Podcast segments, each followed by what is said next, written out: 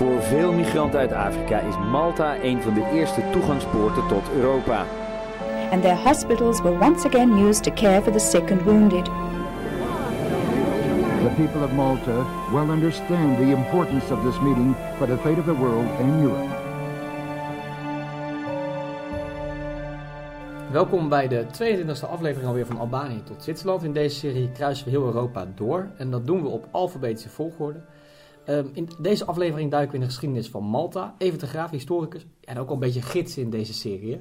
Nou ja, zo mag je het uh, misschien noemen. Maar... Gids door Europa, welkom. Ja. Um, uh, als we in de uh, Malta dus, als we in de vroege middeleeuwen beginnen, ja, dan was Malta bijna een krijgsoord. Hè? Iedereen wil het hebben. Waarom eigenlijk? Ja, Malta is al door de eeuwen heen een springplank geweest tussen Europa, Afrika en Azië. De Feniciërs, die, wat tegenwoordig dan de Libanon is, die hebben ook een keer een behoorlijk rijk opgebouwd in de oudheid. Tyrus en Sidon. Nou, die hebben een tijd lang hebben ze beheerd. Toen vervolgens zijn ze onder de voet gelopen. De Feniciërs, de, Romeinen, die hebben een hele lange tijd gezeten. Uh, misschien wel interessant om te vermelden dat ook uh, de apostel Paulus, die heeft er nog schipbreuk geleden, dat uh, wordt vermeld in de Bijbel in het Nieuwe Testament. De Arabieren hebben het vervolgens in handen gekregen. De Normandiërs zijn er geweest, de kruisvaarders zijn er geweest. Een maatloos boeiende periode heeft uh, Malta achter de rug wat dat betreft door de eeuwen heen. En strategisch nog een keer een springplank. En ook in die periode dat men nog zeilschepen had en vervoer vrij primitief was, was het ook een soort verversingsstation. Dan gingen ze naar een land om vers water te halen, vers voedsel, fruit, dat soort dingen. Dat ze dus ja, in ieder geval weer verder konden voor een volgende sprong naar een ander eiland. Ja, een belangrijke tussenhalte dus. Hè? Precies. dan komen op een gegeven moment komen de kruisridders. Die hebben een roemruchtige geschiedenis, toch? Ja, uh, dat is de periode van de, de kruisvaarten geweest. Die begint al zo rond uh, 1095 tot, uh, nou dan zit je al 1291, dan valt de laatste kruisstad in handen van de Arabieren. In die periode zaten ze met name in het Heilige Land. Maar dan komen dus de Arabieren, de moslims, en die verdrijven ze. En dan geeft, en dan zit het echt alweer een behoorlijke tijd tussen, dan geeft Karel V, de grote keizer, koning enzovoort ook in Nederland, die heeft toen de Johannieterorder of de hospitaalridders heeft hij toen de kans gegeven zich te gaan vestigen in uh, Malta, toen ze verdreven werden uit het Heilige Land.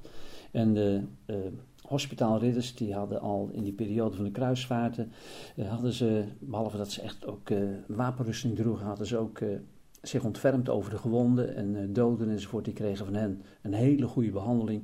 En vandaar dat ze de bijnaam kregen hospitaalridders, omdat ze die mensen probeerden op te lappen. Ze hielden zich vooral dus bezig met ziekenzorg in die periode van de kruistocht. Ze hadden ook echt de, de gelofte van iedere monnik afgelegd. Als je monnik werd in die middeleeuwen, dan moest je de gelofte van gehoorzaamheid aan de paus, kuisheid, niet trouwen en armoede afleggen. En dat deden ze. En omdat ze zich zo onderscheiden, kregen ze toen in de loop der tijd ook heel veel bezittingen van mensen die rijk waren. Omdat ze zich inderdaad ontfermden over de zieken en gewonden. En uh, ze waren ontzettend dankbaar dat ze dus van uh, Karel V terecht kregen om daar uh, ja, eigenlijk een nieuw onderkomen te vinden. En nog een keer, ze heten dus de Johanniterorde of Hospitaalridders. En omdat ze zich daar gingen vestigen, kregen ze ook later nog een andere naam, de Malteserorde. Maar het is allemaal hetzelfde. En dat is best wel een groep die maatschappelijk gezien heel veel respect afdwong. Dus, Absoluut, ja. Um, toch is er één man die daar een einde aan maakt. Um, zoals bij op zoveel plekken in Europa zijn naam altijd valt, Napoleon Bonaparte. Hoe kreeg je dat voor elkaar?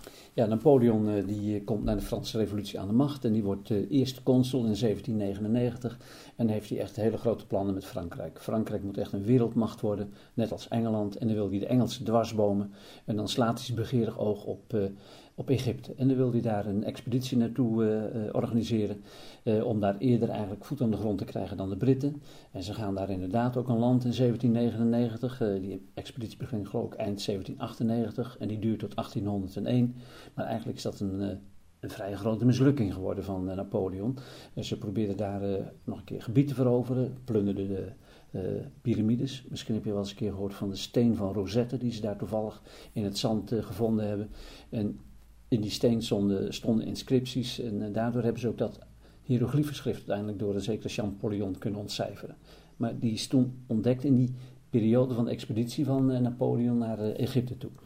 En uiteindelijk werden ze verslagen door de Britten, die waren de heersers op zee en die versloegen de Franse vloot. Hij kon toen nog net op de terugweg Malta aandoen. Dat heeft hij toen veroverd in 1798 en het werd een steunpunt van de Fransen. Ook zij hadden het nodig weer voor bevoorrading van hun schepen op de Middellandse Zee, wat water en voedsel betreft. En na zijn val, slag bij Waterloo, en dan krijg je het eh, congres van Wenen 1815. En dan komen de grote mogelijkheden, die schuiven allemaal aan. En er wordt natuurlijk de buit verdeeld. En dan krijgt Engeland het voor elkaar dat ze dus zegt definitief Malta in bezit krijgen. Ja, Dus eerst een tijdje lang de Fransen, maar uiteindelijk zijn de grote Ja. overwinaren de Engelsen. ja toch Napoleon, voor bij Napoleon altijd zo opmerkelijk is dat hij, eh, natuurlijk gewoon echt een, een veroveraar, eh, dictator. Ehm, maar er, zweemt, er is altijd een soort van zweem van romantiek om hem heen. Hè? Toch, hij heeft- iets romantisch, maar waarom eigenlijk? Want het is natuurlijk gewoon Ja. een veroveraar geweest. Hij heeft natuurlijk inderdaad ook hele goede dingen gedaan. Hij heeft allerlei eh, ja, wetboeken. En, bijvoorbeeld ook hier in Nederland, toen hij de baas was met zijn Franse troepen, hebben ze eh, de code civiel ingevoerd dat de mensen een echte achternaam moesten gaan dragen. En hij heeft voor eh, allerlei andere wetboeken gezorgd. Hij heeft eh, voor grote bouwwerk gezorgd. Hij heeft voor cultuur gezorgd. Grote schilders kregen een kans van hem om hem natuurlijk ook te vereeuwigen. Maar ja, en ook natuurlijk zijn romantische ja, escapades, dat sprak de mensen ook wel aan. En vandaar dat eh, zijn figuur, klein mannetje, toch een grote wereldheerser, dat het wel tot verbeelding sprak. Ja, en Altijd nog, op een schimmel ja, en gezeten. nog steeds doet eigenlijk, toch? Ja, ja.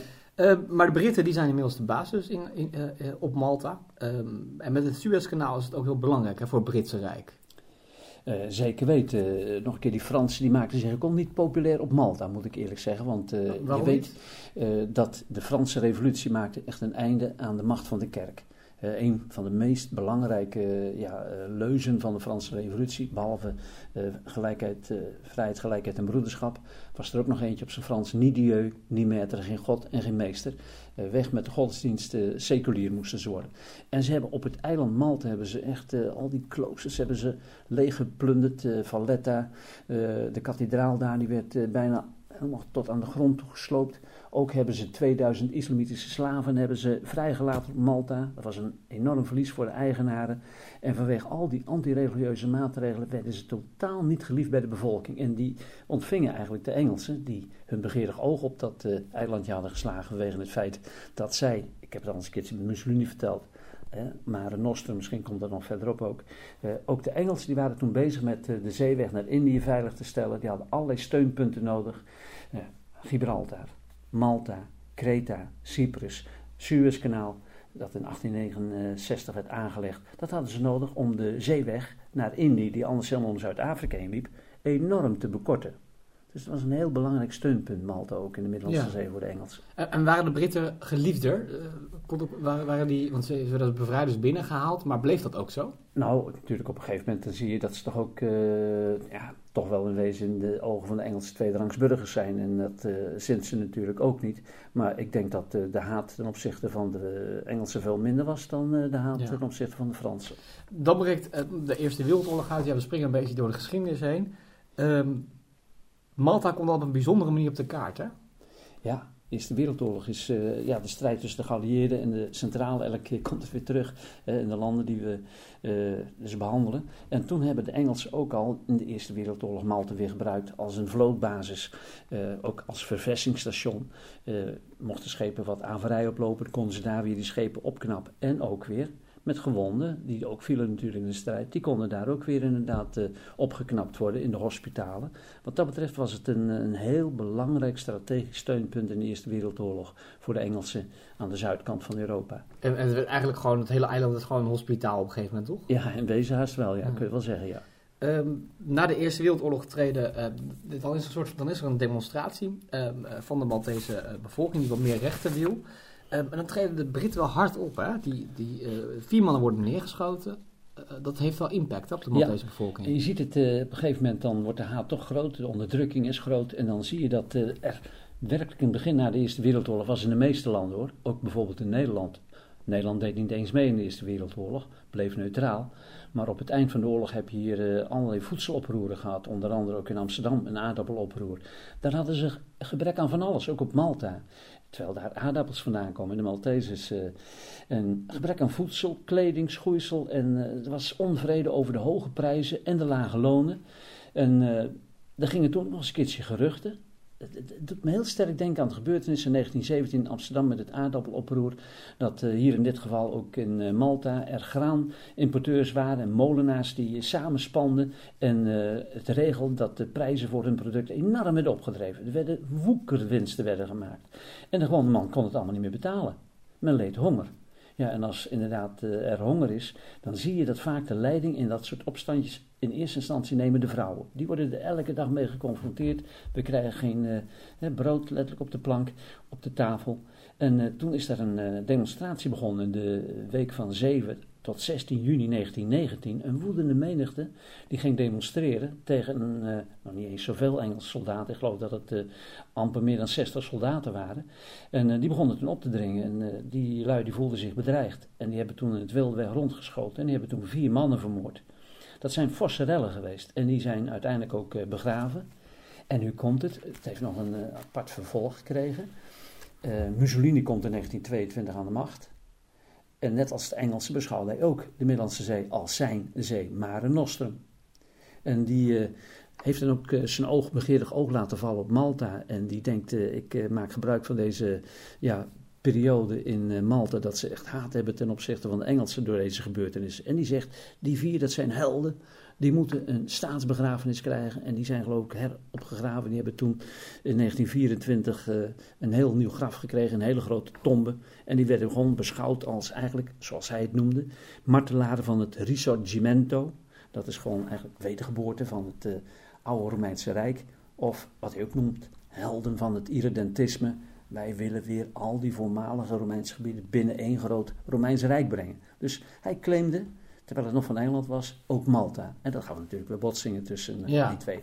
Ja, als je het- de aardappeloproer en de oproer Malta, eh, voor mij zei Caesar het al, hè, brood en spelen. Geef, geef het en, eh, en het is rustig. Ja, precies. Eh, Misschien wel, we hebben natuurlijk heel veel over nationalisme gehad en over hè, idealen en dergelijke.